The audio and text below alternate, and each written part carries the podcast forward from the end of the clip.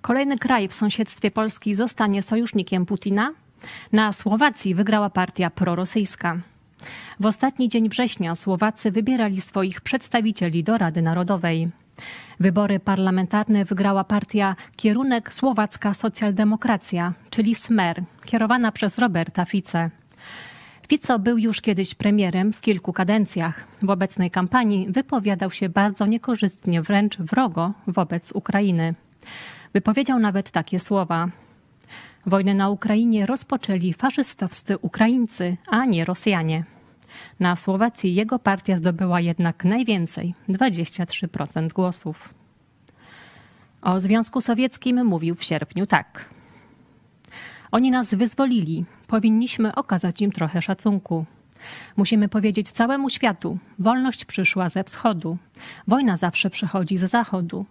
To było jednoznaczne zwycięstwo Armii Czerwonej, a Smer będzie przypominał tę historię każdego dnia, każdej godziny, każdej sekundy. Na drugim miejscu z 18% poparciem znalazła się partia Progresywna Słowacja. Trzeci wynik, prawie 15% głosów, uzyskała partia Głos. Formacja Olano, która wygrała poprzednie wybory, teraz uzyskała niecałe 9% głosów i znalazła się na czwartym miejscu. W poniedziałek prezydent Słowacji Zuzanna Czaputowa powierzyła Robertowi Ficy misję utworzenia nowego rządu. W kampanii szef zwycięskiej partii podkreślał, że zakończy pomoc militarną dla Ukrainy, pozostawi tylko wsparcie humanitarne. Robert Fico opowiada się też za dążeniem do zakończenia wojny rosyjsko-ukraińskiej drogą porozumienia pokojowego. Wygląda więc na to, że polityka zagraniczna Słowacji obierze kierunek zbliżony do polityki węgierskiej, czyli korzystny dla Rosji. Smer nie może jednak rządzić samodzielnie. Zwycięska partia zdobyła 23% głosów, co przekłada się na 42 mandaty.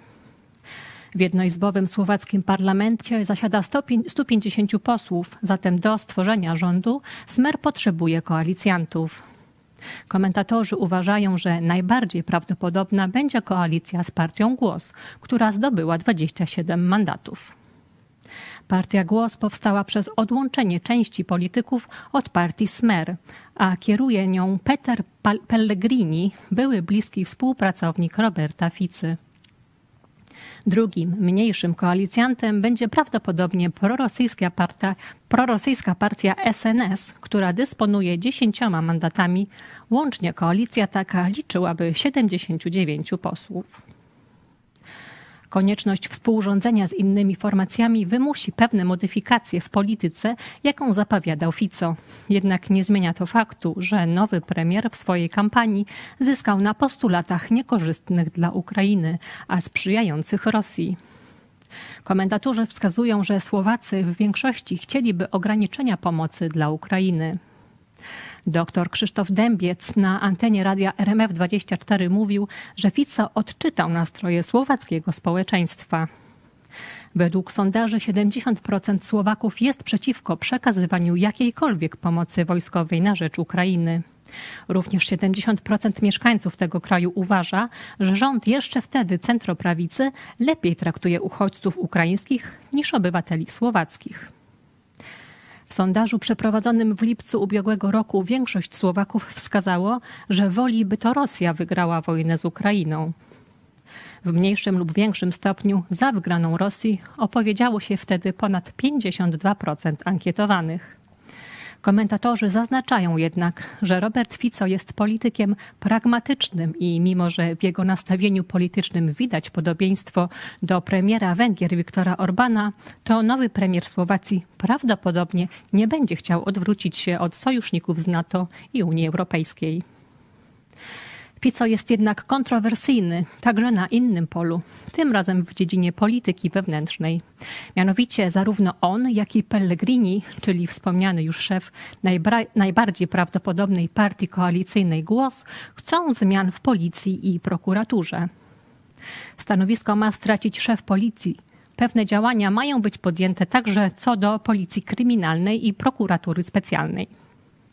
Te organy państwowe w śledztwach ujawniających powiązania polityków z przestępczością zorganizowaną odegrały kluczową rolę w skazaniu ponad 40 osób związanych z partią Smer i postawienia zarzutów dalszym stu osobom, w tym związanym z obecną partią Głos. Tym kontekście przypomniana jest sprawa niewyjaśnionego zabójstwa w 2018 roku dziennikarza śledczego Jana Kuciaka, który ujawniał oszustwa biznesmenów powiązanych z politykami ze środowiska partii Smer. W związku z tym zabójstwem w Słowacji doszło do masowych protestów antyrządowych.